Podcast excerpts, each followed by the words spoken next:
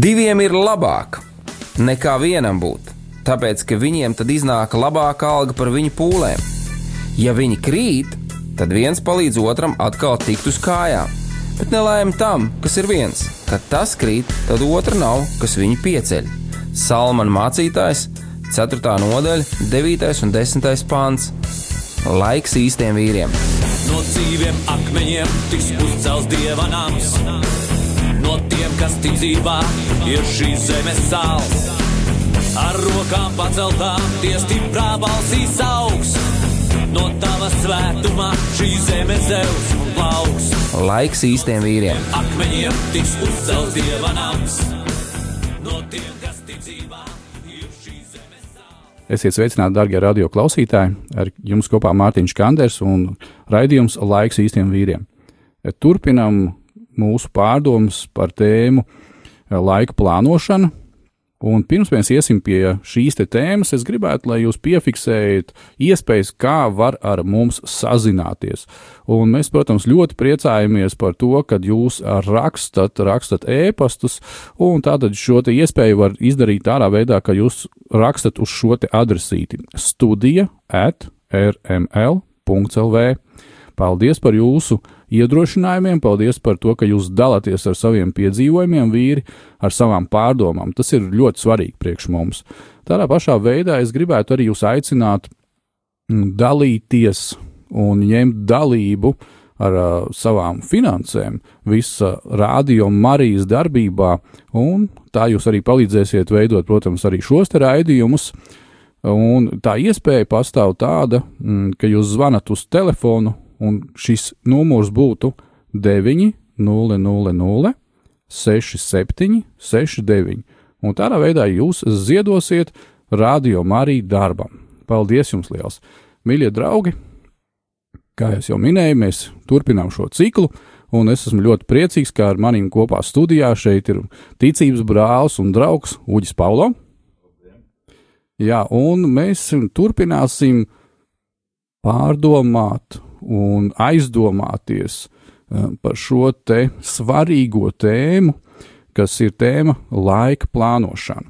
Un eh, pirms mēs to visu sākam darīt, kā ierasts, un es domāju, ka tā nav vienkārši tradīcija, bet tas ir mūsu dzīvesveids, kad mēs lūdzam, mēs uzticamies tēvam, jo viss šis raidījums Un tas ir Dievam par godu, tas ir viņa darbs pie mums, un caur mums tas ir darbs pie jums, dārgie vīri. Un tāpēc mēs kopīgi lūgsim, un es lūdzu, Uģi, vādi mūsu lūgšanā. Mīļais debesu Tēvs, paldies, ka mēs te varam saukt par mīļo un par tēvu. Un pat ja mēs neesam piedzīvojuši savus šīs zemes tēvus, kā tēvus, tad tu esi mūsu patiesais tēvs, tu esi mūsu radītājs un šajā brīdī caur savu svēto gāru runā uz ikvienu no mums. Runā un paskaidro savu vārdu, lieto arī Mārtiņu, lieto mani, runā arī uz mums šeit studijā, runā uz ikvienu, kurš dzirdēs mūsu Jēzus vārdā. Āmen! Jā, amen. Paldies, Tev, Uģi. Paldies, Tev, mīļais debes Tēvs. Uh, šajā dienā es gribētu pieskarties Es domāju, ka mums visiem vīriem tādai svarīgai uh, lietai, uh, kā jau iepriekšējos raidījumos mēs esam runājuši, mēs cenšamies ar Uģi runāt par uh, praktiskām lietām, kā par praktisko dzīvi. Tāpēc mēs varbūt tās nerunājam tādos ļoti teoloģiskos, lielos un dziļos apzīmējumos un vēl kaut kā. To mēs atstāsim tādiem smalkiem teologiem, bet mēs gribam saprast, gribam dzīvot, gribam redzēt, lai tas laiks, ko mēs pavadām šeit virs zemes, lai tas laiks, ko mēs pavadām ģimenē, ar sievām, ar bērniem, darba vietā, lai viņš būtu efektīvs, lai viņš būtu efektīvi izmantots. Un kā jau Uģis citreiz saka, šo frāzi aizkulisē runājot un apspriežoties, uh, sarunājoties par šo tēmu. Redziet, uh, dārgie draugi, mēs nerunājam tikai šeit studijā, mēs runājam arī ārpus studijas, ja, un tas ir normāli, un tāda ir mūsu visu dzīve. Un, ja tu esi iekšā kādās lietās, tad tu par to domā un runā visur. Un um, mēs tieši arī ar Uģi par šīm tēmām pirms tam apspriedāmies un domājām, ka uh, ļoti daudz kur mūsu sadzīvē, jo īpaši tajā saucamajā biznesa vidē, ir paņemti Bībeles principi. Un šie pat arī bieži vien nekristīgie skolotāji, kas pasniedz kā uh, biznesa kaut kādus pamatus, tieši varbūt arī pat biznesa, mārketinga un tā tālāk, visas šīs gudrās lietas, uh, viņi ir paņēmuši šos pamatus no Bībeles, jo Bībele vienmēr strādā. Neatkarīgi no tā, kurā vietā viņi ir, uh, tiek izmantot un kādā veidā, bet Dieva principi viņi vienmēr strādā. Un, darbie draugi, šajā brīdī es gribētu, lai mēs arī padomājam, kā mēs varam pielietot savā ikdienā, uh, ja, ja mēs runājam par šo mūsu dzīvi, kā par projektu kā pa projektu, eh, kas sastāv no daudziem procesiem, kas virzās uz priekšu, un mēs pietiekoši daudz esam arī jau iepriekšējos raidījumos ieskicējuši šīs lietas, kad uh, mums ir jāsaprot, kas mēs esam, kur mēs esam, kāpēc mēs esam, kāpēc mēs to darām vai nedaram. Tad šī gadījumā arī mums kā vīriem, uh, kā tēviem, es gribētu tagad sākt šo raidījumu ar tādu akcentiņu uh, par saucamajām piecām minūtēm piecām minūtēm. Ja? Mēs citreiz sakām, kambara laiks, tas ir citam stunda, citam vairāk, citam mazāk, bet eh, cik svarīgi mūsu laika plānošanā ir uh, bieži vien vienkārši apstāties uz piecām minūtēm, saprast, kur es atrodos, ko es daru, uh, vai es pareizi daru. Man kā vīram ir svarīgi saprast un pirms tam būt izrunājušam ar tēvu, teiksim, šīs te dienas plānu, šīs te dienas notikums, un pēc tam es varu ar savu sievu un tiem, kam ir bērni ar bērniem, ja, mēs varam apstāties visi kopā un veltīt šīs piecas minūtes savstarpēji pārunājot, un tieši lai iniciatīva nāk no manis, kā no vīra, no tēva, ka šodien mēs iesim tajā un tajā virzienā, vai es uzklausu, kādas ir, teiksim, sievas domas vai bērnu domas, es saprotu, iedziļinos viņā, ja vajag, es eh, dodu kādu norāda kādu virzienu, kā rīkoties, kā nerīkoties.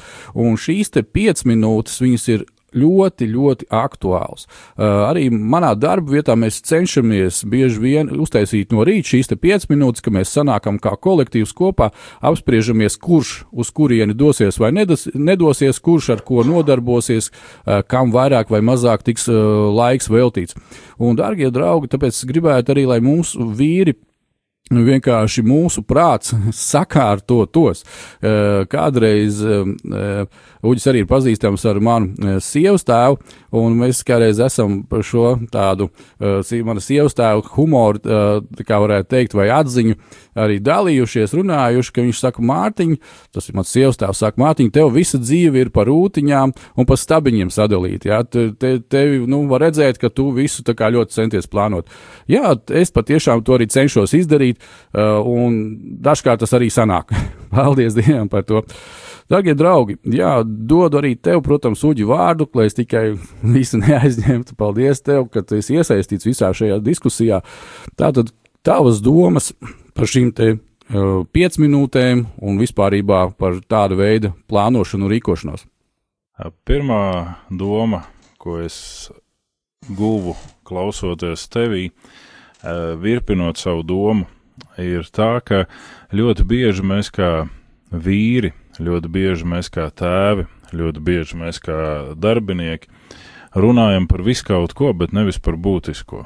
Tad, kad mēs sanākam uz 5 minūtes, mēs uh, apspriežam, ko tu vakar darīji, kā gāja hokeja mūsējiem, kas vēl ir noticis, par ko tad tagad balsosim, kāpēc iebalsoja to. Ir dažādi apspriešanas aspekti. Tad mēs apspriežam priekšniecību. Kurš ir muļķis, kurš liek mums darīt to, ko nevajag, kurš liek mums kaut kādas pilnīgi nevajadzīgas lietas pārkrāmēt šurp turp vai rīkoties, bet patiesībā šis ir tas brīdis, kurā mums vajag konstruktīvi saprast mūsu dienas plānu. Mēs sakam, jā, bet kad tad es varēšu parunāt, vienkārši tā parunāt? Uh, Tad, kad mēs esam darbā, godīgi sakot, mums nav īsti pamats tā vienkārši parunāt. Un tā ir tā problēma, ko mēs ļoti bieži ar humoru sakam, ka sievietei dienā ir dots 25,000 vārdus izrunāt, un vīrietim 5000, un vīrietis savu mēli iztrina ar saviem kolēģiem, ātri, ātri atnāk mājās un klusē. Sievietei savukārt nav bijis, kur tos 25,000 izrunāt. Ja mēs nedisciplinējam sevi šajā darba jomā, ja ikdienas jomā, mēs nedisciplinējam sevi arī attiecībās ar Dievu, un tad, kad mēs paņemam kambaru laiku, tad notiek tas, ko Jēzus saka Mateja 6. viņš saka, nepļāpājiet. Viņš dod šo aicinājumu, šo mudinājumu, nu, nepļāpājiet, runājiet konstruktīvas lietas. Un mana pārliecība, pie kuras es arī mēģinu pieturēties, nevienmēr man tas sanāk. Bet tā pārliecība ir tā, ka man ir vajadzīgas nevis sarunai ar Dievu, bet manai dienas apskatai 15 minūtes dienā. Laiku, kurā es varu iziet cauri prātā vai uz rakstītā kalendāra visiem dienas notikumiem, tur, kur es esmu rīkojies nepareizi, par to lūgt atdošanu, tur, kur es esmu rīkojies pareizi, par to pateikties Dievam. Varbūt ir kādas neitrālās situācijas, kurās es vienkārši lūdzu Dievam viņa žēlastību, viņa svētību, attīstībai. 15 minūtes, kurās tu uztaisi savu sirds inventarizāciju. Tad ir noteikti vajadzīga viena stunda nedēļā, kurā tu nevis konkrēto dienu risini, bet kurā tu visu nedēļu apskati. Kurā tev ir lielie nedēļas uzvaras momenti, zaudējumu momenti, kuros tu saproti, atkal es esmu izdarījis ne to, ko vajadzēja izdarīt, vai rīkojies ne tā, kā vajadzēja. Tad ir viena diena mēnesī, kurā tu e, nevis, jā, varbūt šī diena varētu būt pat gavēnis, kurā tu izanalizē visu savu dienas gājumu. Un priekš jums vīri es gribētu teikt, ka gavēnis tas nav tas mirklis, kad mēs šokolādi nēdam, jeb televizoru neskatāmies. Gavēnis ir tas brīdis, kad mēs atturamies no dzīvībai nepieciešamām vielām. No saules lēkt līdz saules rietam. Un pat tad, kad noriet saule un mēs ejam uzēst kaut ko, tad tas ir tikai, lai nogalinātu izsalkumu, nevis lai pārēstos. Un tā tad ir šī viena diena mēnesī, kurā es izanalizēju visu mēnesi, un tad ir viena nedēļa gadā, kas ir nepieciešama man personīgā inventarizācija, kas ir nepieciešams, lai saprastu, kur es virzos, vai es virzos, kur es esmu dzirdējis Dievu un kur es esmu pārklausījies viņu, kur es esmu liecinājis par viņu ar saviem darbiem, ar savu dzīvi, un kur es nesmu par viņu liecinājis. Un šis ir tas moments, kur es runāju ar Dievu. Nevis es viņam stāstu, cik labi, ka tu esi mans dievs, cik labi, ka man nav jākalpa elkiem, palīdz maniem bērniem būt paklausīgiem, manai sievai būt čaklai, bet šis ir tas moments, kur es Dievu priekšā, kā psalmis saka, izkratu savu sirdi. Un nevis kārtējā grēksūdzē, arī tā ir tāda pļāpāšana, ka mēs paņemam kaut kādus sen nožēlotus grēkus un atkal viņus kratam Dievu priekšā, bet es kratu savu šodienu. Es kratu savu šī mēneša gājumu, es kratu Dievam savu tagadni ārā priekšā, jo Dievs ir tagadnes Dievs un viņa priekšā mana mēneša griezums ir tagadne. Un zini, ko es varētu secināt uģi, no šī tā visa, kad uh, Mēs kādos raidījumos arī Jānis Akmeni esam par to runājuši, ka mums kā vīriem bieži vien ir problēma komunikācijā. Mums ir problēma komunikācijā, jo uh, patreiz visu, ko tu uh, stāstīji ja, un runāji, nu, super, paldies tev par šiem te mm, piezīmēm, par šo te laika pareizo izmantošanu. Bet, ja mēs, kā tikko tu teici, ja, kad, ja mēs ejam pie Dieva, uh, vai nesanāk tā, kad uh, nevis mums ir komunikācija, tēvs, kā tu domā, man ir, man ir svarīgi, ko tu saki par šo lietu. Un tam nav jābūt tik tiešām kaut kam mega garīgam uh, vai atkal kaut kam ļoti miesiski problemātiskam. Bet tā kā jēzus, kad viņš iesāka katru dienu, mēs varam redzēt, ka viņam bija šī saruna ar tēvu. Ja? Uh, Un tieši to es arī redzu bieži vien uh, mūsu kā vīru attiecībās. Tas ir kā spogulis, kādas ir manas attiecības ar debes tēvu, tādas būs arī šīs attiecības ar tevi, ar vēl kādiem citiem vīriem, brāļiem vai ja, un tam līdzīgi. Un kad par ko tad mēs tajā brīdī runājam?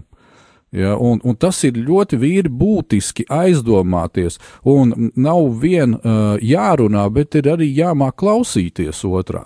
Tas, kas man sāp reizēm, es varbūt izsaku tā, nu, sāp, varbūt nav burtiski pareizā izteiksme, bet es esmu dievkalpojumā, ir beidzies dievkalpojums. Es šajā dievkalpojumā neesmu bijis main speaker, ne, bet es esmu vienkārši bijis. Un ejot ārā no dievnam zāles un no visas šīs atmosfēras, es klausos, ko vīri runā par mašīnām, par futbolu, par jebko. Dieva vārds mums māca Kristus vārds, lai bagātīgi mājo jūsu vidū. Mēs esam nonākuši pie tās paradoxālās situācijas, ka arī Latvijā, arī pie mums mēs gribam būt ļoti garīgi, bet tāpat laikā mēs sākam skatīties pulkstenī, vai tik mācītājs pilgu nerunā, vai tik uh, nav pa garlaicīgu. Kā tad, lai tas Kristus vārds bagātīgi mīt mūsos, kā lai mēs dzīvojam pēc Dieva principiem, ja mēs negribam savā ikdienā būt pārņemti ar Dievu, kuram mēs sekojam? Tādēļ jau cilvēki pārmet un saka, jūs kristieši esat tāds reliģijas klubiņš. Jūs atnākat, jūs noklausāties kādu reliģisku runu, un pēc tam jūs aiziet un turpinat savu ierasto gājumu. Ne? Nu, nekas dzīvē nav mainījies būtiski. Ja? Un apostols Pēters savā pirmajā vēstulē, pirmajā nodaļā saka, 16, 19, viņš saka, esiet svēti, jo es esmu svēts, un svēts ir šis nošķirtības faktors, ka tu esi nošķirts Dievam, ka tu neesi pilns ar to pasauli, pilns ar to ikdienu, bet ka tu esi nošķirts dievam. Ka tu esi ne? savādāks. Jā. Un viņš saka tālāk, un ja jūs viņu, kas netiesā pēc ārienes, bet pēc katra darbiem piesaucat kā tēvu, viņš mūs pamudina Dievu uzrunāt kā tēvu, Kristu uzrunāt kā brāli vai kā arī tādu jaunāku tēvu, tad dzīvojiet bijībā jums nolikto svešniecības laiku, Un mēs sakam, bijība tās ir bailes, tas ir trīs, ne, bijībai nav nekas kopējs ar bailēm un trīsām. Bijība ir tā goddevības pilnā pazemība Dievu priekšā, ka es akceptēju viņa autoritāti. Es neesmu kā tāds panteists, kurš saka, nu jā, nu, Dievs jau vispār ir, bet viņš nav būtne, viņš ir visur, viņš ir kaut kas, viņš nav nekas. Mēs esam sastapušies ar šo, ka cilvēki negribot Dievu personificēt, beig beigās saka, ka Dievs ir kā manā putra. Nu, tāda kaut kas bez robežām, bez nekā. Es varu pateikt vienu, kāds viņš ir. Es tikai mācos izprast katru dienu, cik liels viņš ir, cik varens viņš ir. Vai viņš ir tāds kā persona, vai viņš ir tāds, kura klēpī mēs visi rosamies, To mēs uzzināsim kādreiz mūžībā, bet šeit ir teikts, dzīvojiet ar šo godevības pilno pazemību, jums nolikto svešniecības laiku, un atcerēsimies, vīri, ka mēs šeit esam svešniecības laikā. Mēs dzīvojam, mēs sakam, tas viss ir mans, kas man šeit ir, bet atcerēsimies arī to, ka neko no šī, kas mums ir šeit, mēs nepaņemsim līdzi uz viņu sauli, kad mēs iesim Tas paliks mūsu bērniem, bērnu bērniem, svešiniekiem, kā kurā situācijā. Tādēļ dzīvosim gudri šo laiku, apzinoties, ka ne jau ar iznīcīgo, ar zeltu vai sudrabu mēs esam izpirkti no savas nīcīgās dzīves, ko esam mantojuši no tēviem, bet ar dārgajām asinīm, ko izlēja Kristus, nevainīgais un neaptraipītais jērs. Viņš mūs ir izpircis Dievu priekšā, lai mēs varētu nevis atrunāties, kāpēc mēs nevaram laiku plānot, bet pateicoties viņa izpirkumam, laiku plānot un mācīties arī pateikt nē, par ko mēs runāsim varbūt vēlāk. Jā, un tas ir ļoti būtiski. Un redzi, Uģi, skatoties uz visām šīm te atkal lietām, uh, ir tāds interesants paradoks. Uh, tad, kad uh, nu, teiksim, tā, kristietis, vīrietis, viņš strādā, viņš aiziet uz darbu, tad viņš cenšas koncentrēties, un ļoti labi, ka viņš cenšas visu izdarīt labi. Un tad varbūt tās viņš koncentrējās uz kaut kādām lietām, viņš lūdz Dievu, palīdz man to visu izdarīt.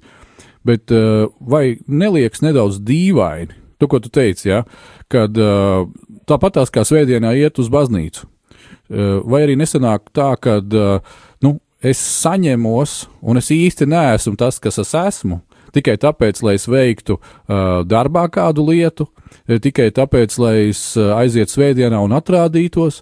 Kāda tad ir tā mana būtība? Ja? Tāpēc arī šim te raidījumam ir šis nosaukums laiks īstiem vīriem. Kas tu esi īstenībā? Kas ir tevī tā būtība, kas ir tavs kodols. Uh, un, ja mēs esam patiešām tādi īsti un saprotam, kas mēs esam, tad ir uh, diezgan daudz lietas viegli darīt. Tad, tad nav jāizliekās, tad nav jātēlo, tad nav jātēlo svētums, Tāpēc, kad es man svētdienā jāiet uz draugu, man tagad ir jāizskatās tā, un man tā ir jārunā, un man tā ir tā, ir tā, ir tā, ir, ja, un tagad man ir uh, jābūt no pirmdienas līdz piekdienai darba vietā, un man atkal ir jāuzvelk cita maska un jāizdara tā, tā, tā.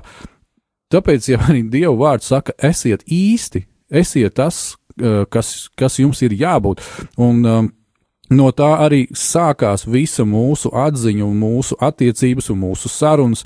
Un uh, to, ko es redzu gadiem ejot pie sevis, e, jo vairāk es uh, tuvojos Dievam, jo vairāk viņš ir manī, jo man ir vieglāk komunicēt ar citiem cilvēkiem. Man nav jāuztraucās par to, ko viņi padomās, viņi nepadomās. Ja? E, tā kā raksts saka, ja tu zini, kas tu esi, esi tas, kas tu esi Dievā. Ja? Un Dievs saka visu šīs lietas, kā to visu darīt. Un, uh, Mēs varētu iet tagad kādā muzikālā pauzē, un tad pēc šīs muzikālās pauzes atkal mēs turpināsim šīs pārdomas tālāk.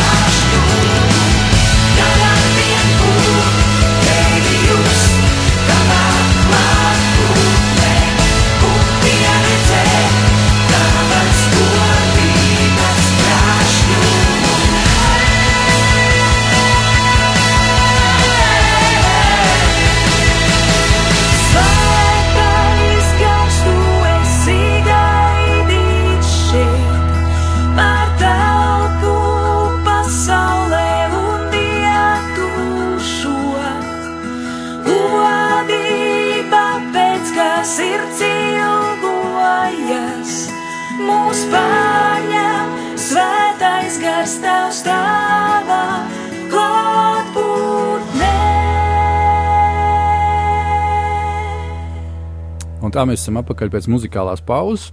Uh, lieliski atkal pavadām laiku kopā ar Dievu un, un, un pārdomājot tās lietas, uh, kā mēs dzīvojam, kā mēs plānojam vai neplānojam savu ikdienu, savu laiku.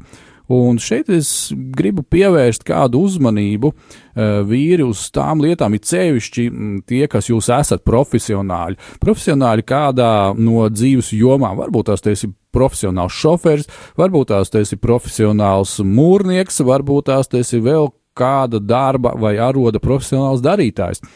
Un uh, man ir vienmēr paticis vērot uh, profesionālu meistaru darbu un rīcību. Uh, tagad ir, protams, diezgan plašas iespējas YouTube, paskatīties kādus video rullīšus vēl kaut ko, uh, bet kādreiz, kad tādas iespējas nebija, man bija tāda tīri praktiskā iespēja skatīties uz meistariem.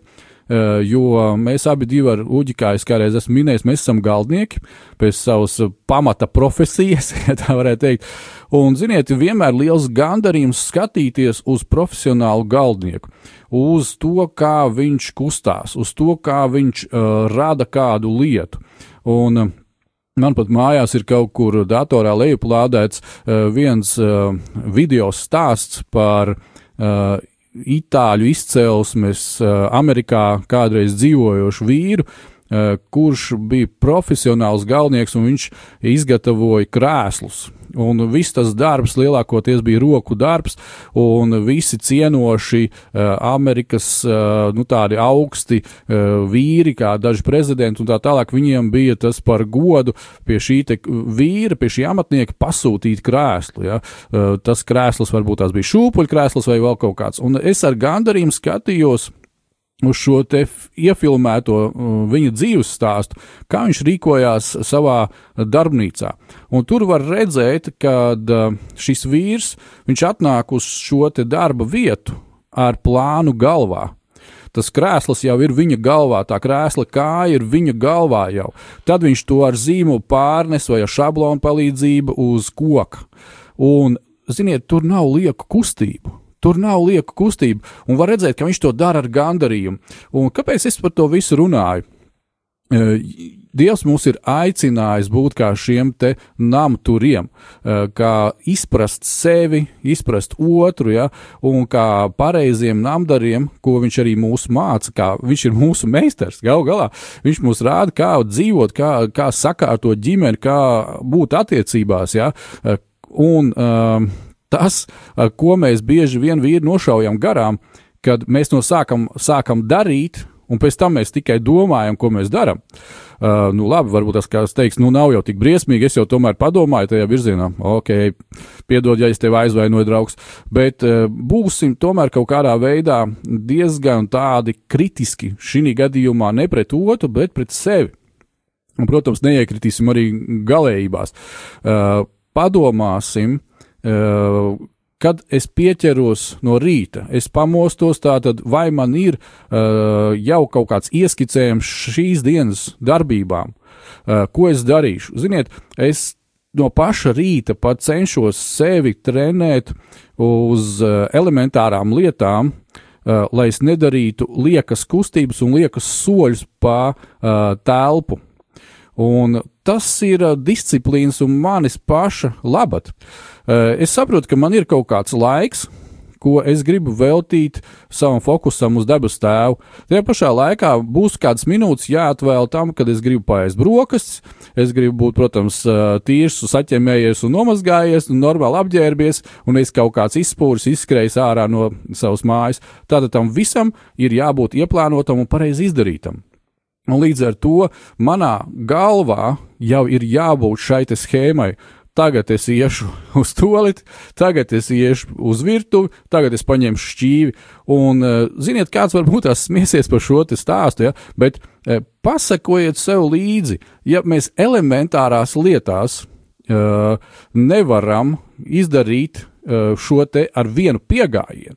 Ja man ir jāskraida desmit reizes uz priekšu, uz apakaļ pa telpu, kas uh, paņem enerģiju, kas tērē laiku un kas vienkārši nozīmē, ka es neesmu koncentrējies, tad tas nozīmē, ka kaut kas nav kārtībā. Tātad, ja mēs esam kā meistars, uz ko mūsu Dievs arī aicina, mums vajag koncentrēties un domāt uz katru mūsu vārdu un kustību. ir viena problēma, kuru tu pieminēji. Eh, Šī meistarība pavelk līdzi tādu vīrišķīgu lietu kā profesionālo debilismu, ne? kas ir tāda robežu pārkāpšana. Es zinu, piemēram, ja mēs runājam par galdniecības faktoru, es zinu, es esmu galdnieks, es esmu kilometrus zāģējis. Es varu neuzlikt aizsargu zāģim un tad ir viens čiņš un pirksti nav. Un, eh, un tāda ir jebkurā jomā, kur mēs darām. Es esmu apmetis sienas, es esmu darījis, vīri mācīsimies vēl vienu lietu. Ja tas process prasa tik ilgu laiku, tad tas process prasa tik ilgu laiku. Pagājušajā vasarā es vēroju eh, pie mājas, kur es īrēju dzīvokli, kā kādi vīri strādā. Viņi ir paredzējuši, ka viņiem, piemēram, vajadzēs uz darbu 5 stundas, viņi ir darbu padarījuši stundas laikā, un viņi guļ savā autobusiņā mierīgi nākamās 4 stundas. O, tas nav korekti. Ja tas darbs prasa, uh, jebkurš darbs, tādēļ ieplāno šo laiku, un ja tu esi ieplānojis laika rezervi, izmanto gudri šo laiku. Kā mēs pirmīt Pētera vēstulē lasījām, ne, lai mēs izmantojam gudri savu šo svešniecības laiku, lai cilvēki nevar skatīties uz mums un teikt, nu, tu esi ticīgs, ar ko tu atšķiries no neticīga. Viņš pat ir kārtīgāks, cītīgāks, viņš plāno savu laiku, viņš ir strukturēts. Tu esi tā kā manā putra bez robežām, vai ne? Un skatīsimies uz jā. Mums ir viens vai daži lielie dzīves jā. Un katrs no mūsu dzīves jā pakārtojās kādam citam jā. Un šī ir ļoti būtiska atbilde un ļoti nozīmīga mūsu gājumā.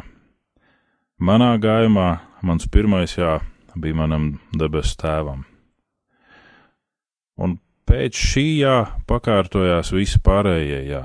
Tas nozīmē, ka, lai arī cik skaistas meitenes bija tās, kuras neticēja dievam, bet mans jā bija dievam. Un es sapratu to, ka nebūs normāli, ka svētdienas rītā es celšos, lai iet uz baznīcu, un mana sieva paliks mājās guļot, un bērnu dvēseles tiks dalīts, kurš gribēs būt ar tēvu, kurš nē. Un es arī kā pirmo jā apstiprinot, teicu Dievam, ja tu man nevari dot ticīgu meiteni par sievu, tad dod man spēku palikt vienam, bet es nevēlos šīs te cīņas, mokas, eh, sarežģījumus. Otrais jā ir manai sievai, manai ģimenei pateikts. Tev nevar būt daudzas lielās jā lietas vai atbildes, taču pamatojoties uz taviem lielajiem jā, veidojās nē pret visiem laika un situācijas zagļiem. Un tas ir ļoti būtiski, vīri, ka mums ir spēks, nevis lecīgums, nevis pašgudrība, bet mums ir spēks pateikt godīgu nē. Mēs nevaram būt par tapām visiem caurumiem, mēs nevaram būt par aizpildītājiem visām situācijām, par ugunsdzēsējiem katrā momentā. Mēs jau runājām pirmajā raidījumā no šī cikla par to, ka mēs skrienam steidzamo darbu jūgā. Mūs rauj pa labi, mūs rauj pa kreisi. Nē, man šobrīd šim nav laiks.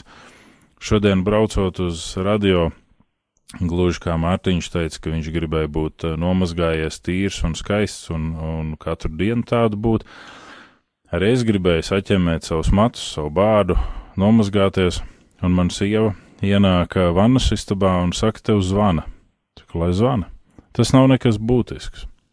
Šajā brīdī tas nav nekas būtisks. Mēs esam pieraduši, ka telefons vairs nav pie vada pieslēgts, un ka mēs varam visur visu sazvanīt. Un ja es nepaceļu klausuli pēc trešā signāla, kad zvana, piemēram, mana mamma, tad viņi sāk meklēt mani policijā un slimnīcā jau. Noteikti kaut kas slikts ir noticis. Tas nav normāli. Mēs dzīvojam kā atkarīgie. Un tā tad mēs pasakām godīgi nē, nē, šoreiz, vai šobrīd, vai tagad, vai vispār šo es nevaru darīt. Paskatīsimies uz Simpsānu. Viņš nemācīja pateikt nē. Jā, Dievs viņu svētīja. Tad, kad viņš uh, gāja pats bojā, viņš izdarīja vairāk no tā, ko Dievs bija plānojis, bet viņš nemācīja pateikt nē. Dāvidam nācās šķirties no Dieva radītās dzīvības, tādēļ, ka viņš nemācīja pateikt nē.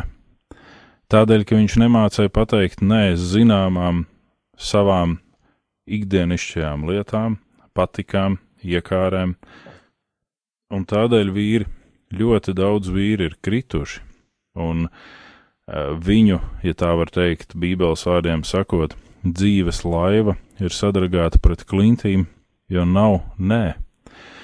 Bet paskatīsimies uz vēl vienu interesantu lietu, tā kā mums laiks vēl drusku ir. Jā un nē, apstiprinājuma partikula ir aizgūta no Vācijas vidienas un latviešu valodā parādās ap 16. gadsimtu vidu. Pirmkārt, šī partikula parādās reliģiskos darbos, kā katehismā un tam līdzīgos darbos, kur nepieciešams šis apstiprinājums. Ehm, Un šeit ir jautājums, a, kā pirms tam slēdz laulības? Un atbild bija vienkārša: Mārtiņ, vai tu ņemsi zaigu par sievu? Un atbild bija ņemšu. Nevis vienkārši pateikt globālu jā, ko neviens nesaprot, ko īsti tas nozīmē. Mēs sakam, kā tas ir apstiprinājums. Un ziniet, draugi, mīļie, it sevišķi tie, kas zina vācu valodu, tie apstiprinās, ka tā ir patiesība. Vāciski ir šī jā, nē izteiksme, jāina kas ir apvienots, jā, nē, nu, tāds var būt, nu, iespējams. Ne? Un tā tad iepriekšējā apstiprinājuma veids bija atkārtot jautājumu darbības vārdu. Vienalga, vai tas būtu nolieguma partikulai, vai tas būtu apstiprinājuma partikulai. Un ikdienas lietojumā šī apstiprinājuma un nolieguma partikula nonāk tikai ap 19. gadsimtu vidu, kad to sāk lietot ļoti plaši arī tad, kad Ernsts Gliks tulko pirmo bībeli, latviešu valodā viņš ir mazliet tādā samulsumā, kā iztulkot Jēzus teikto, tev nebūs zvērēt, bet tavs jālai ir jā un nē ir nē, jo vāciski tas ir tieši tā arī iztulkots, jā, jā, nē, nē, un uh, viņa pirmais tulkojuma variants ir gan, gan, nē. Uh, šeit ir tas moments, tu esi apņēmies ar savu jā, savu dzīves lielo jā pateikt būtiskajām situācijām un aspektiem savā dzīvē, jā, tu esi apņēmies to, tad proti pateikt arī nē. Neslēpies aiz laika zagļiem, neslēpies aiz tā, ka tevi rausta pa labi, pa kreisi, saka, redz, cik es esmu ļoti aizņemta persona. Esi aizņemts ar patiesību, tu runāji par maskām, Mārtiņ. Paldies, tas ir fantastiski, Jo nu pat nesen mēs atskatāmies uz šo, piedodiet, ja kādu es aizskaršu uz šiem demoniskajiem Halovīna svētkiem. Ne? Varbūt priekš kāda tā ir vienkārši brīnišķīga izklaide, bet, kad es paskatos uz tiem viepļiem, kas staigā pa ielām un prasa končiņus, tad paliek tā žēl. Es saviem bērniem labāk pērku katru nedēļu pa kādām končām vai saldumiem, nevis lai viņi staigā diedalēdam. Ne? Bet tā ir mūsu patiesā būtība. Mēs dzīvojam masku dzīvi. Tie, kas to dara. Jā, un mēs nemākam vairs patiesi dzīvot. Un tad tas Halovīns parāda to patieso dabu, ka mums ir tās maskas uzlikts, un mums ir cerība, ka šīs maskas noslēps mūsu patieso būtību, un tā kā šo svētku pamatā ir nāve, ka nāve tiks apmuļķot un aizies mums garām, jo viņi neatpazīs, ka tie esam mēs. Nu, muļķības, no nāve atpazīs, un, un citreiz kāds var nomirt tieši tādēļ, ka ierauga kādu maskā. Ne? Bet pārtrauksim mēs kā vīri dzīvot šo slēpņa pilno dzīvi, šo nevis kambara, bet bunkura dzīvi, kurā mēs slēpjamies no dieva, no apstākļiem, gluži kā mūsu pirmais tēvs Ādams. Ieslēpās krūmos, cerot, ka Dievs neredz krūmos. Ne? Beigsim slēpties aiz tā, ka mēs esam ļoti nozīmīgi un mums ir jāskrien. Man kā mācītājam ir manas runas stundas ar cilvēkiem, un cilvēkiem gribās būt vienmēr tik īpašiem, ka tieši ar viņu man laiks ir jāpavada ilgāk sarunā. Nē, man ir tik, cik man ir atvēlēts. Un ir redzēts sejās, ka cilvēkiem nepatīk, ka tu saki, tagad lūgsim Dievu, jo viņi saprot, ka lūdzam un tad beidzam, bet gribās vēl. Bet tu saproti divus aspektus. Aiz durvīm stāv vēl kādi, un ja nestāv, tad šis brīdis ir jau paredzēts kaut kam citam. Un ja es palieku ilgāku laiku kopā ar tevi, nu, ne burtiski ar tevi, bet ar kādu, tad man neatliek laiks tam, kas ir paredzēts. Un pēdējais aspekts, ko pie šīs gribu pateikt, ir tas, vai tu patiešām gribi, lai tevi uzskata par grēku? Un cilvēks saka, nē, bet mēs zinām to, ka grēks ir tas, kas mums liek iet tālāk nekā mēs gribam, liek maksāt vairāk nekā mums ir nauda, un liek palikt ilgāk nekā mums ir laiks. Tu neesi grēks, un tu neesi pakļāvies vēlnam, Tādēļ nepakļaujies laika zagļiem un proti pateikt arī nē. Jā, Uģi, paldies tev par šīm būtiskajām lietām. Un um, manā, uh, es gan neesmu mācītājs, kā tu, Uģi, ja, bet uh, arī manā ikdienas uh, laika plānošanā un um, tajā vidē, kur es strādāju, šī laika plānošana ir ļoti būtiska. Ļoti būtiska, jo uh, dažkārt ir tā, ka, ja es nebūšu uh, pareizi uh, izplānojis vai izdarījis kādas lietas, tad um, tie cilvēki, kas ir kopējā projektā ar mani, viņi dabūs ciest. Varbūt tās viņiem būs jāstrādā virsstundas, līdz ar to cietīs viņa ģimene. Uh, un līdzīgi ir arī tāpatās arī nu, atkarība no man, no kādiem cilvēkiem. Ja, ja kāds nebūs kaut ko paveicis laikā, vai viņš neieradīsies laikā uz sapulci, uz to, ko mēs esam sarunājuši izdarīt, un Tas nozīmē, ka man būs jāstrādā ilgāk. Tas nozīmē, ka atkal cietīs mana ģimene no tā, ka es varētu būt mājās, es varētu būt kopā ar savu sievu, mēs varētu runāties, mēs varētu kopīgi lūgt, mēs varētu kopīgi ļoti skaisti pavakariņot, un mums būtu brīnišķīgs laiks. Un tas eh, no, nozīmē tikai vienu. Eh, vīri mums ir eh, jāmācās cienīt jāmācās cienīt vienam otru un vienam otru laiku, un tādā veidā mēs arī iemācīsimies cienīt paši sevi. Jo, teiksim, vakar tās diezgan uzskatāms piemērs bija, eh, kāds vīrs man centīgi centās sazvanīt. Un es zinu, ko viņš man jautās, un es zinu pat, kāda būs mana atbilde. Un es zinu, eh, ka eh, tajā brīdī tas dzīvē ne man, ne viņam neko neizmantos, eh, neizmainīs, ja, un tam līdzīgi. Bet tajā pašā laikā ir kādi mani puiši, kas ir devušies vairākus simtus vai tūkstošus kilometrus ārpus Latvijas, un mums ir šī tieši saiste, tieši telefoniski, un mēs risinām ļoti būtiskus jautājumus ja, par par eh, lieliem finansu ieguldījumiem. Un, eh, Šīs nepacietīgais vīrs, eh, vīrs jau gados, viņš nekādīgi nevar mani sadabūt rokā uz manu mobilo tālu, un viņš tagad zvana uz salonu tālu. Un, un kolēģis paceļ šo te mm, klausuli, un viņš viņam vienkārši saka, piedodiet, viņš šajā brīdī, Mārtiņš, ir aizņemts. Līdz ko viņš atbrīvosies, viņš jums pazvanīs. Bet tā vīra uh, bezskaunīgā uzstājība ir tik liela, viņš saka, nu tad es pagaidīšu, kā sacīt, bez mazai uz klausuli, kad savā ietiepībā un kaut kādā veidā muļķībā mēs bieži vien gribam panākt nu, ar visiem spēkiem kaut ko. Un kolēģis viņam laipni atbildēja, nu tad šī saruna beidzās.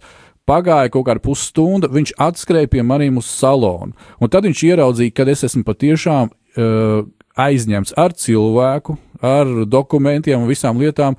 Un, nu, kaut kā jau sevi attaisnojot, viņš saka, nu, kā tad tur kaut kas, un es viņam teicu, draugs, tā kā es tev aizrakstīju īziņā, uh, es nevaru patreiz runāt, tā kā man būs uh, informācija priekš tevis, kas ir būtiski, es tev to nodošu. Viss. Ja? Un uh, es domāju, ka Dievs Tēvs arī to grib.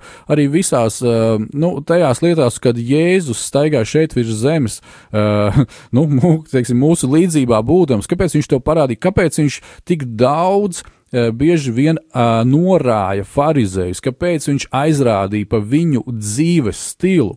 Tieši tāpēc, ka tur bija šī maska, tur bija šī izlikšanās. Ja?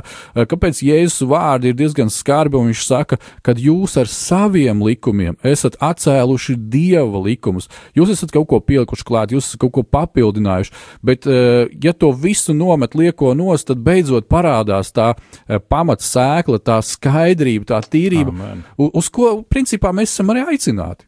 Tas ir tas, ko Jēzus saka. Ja tu gribi celt torni, apsēdies un aprēķini visu, lai nav tā, ka tu sāc celt un tad vai man pietrūka, es nebiju pareiķinājis šo vai to jautājumu vai aspektu vai lietu.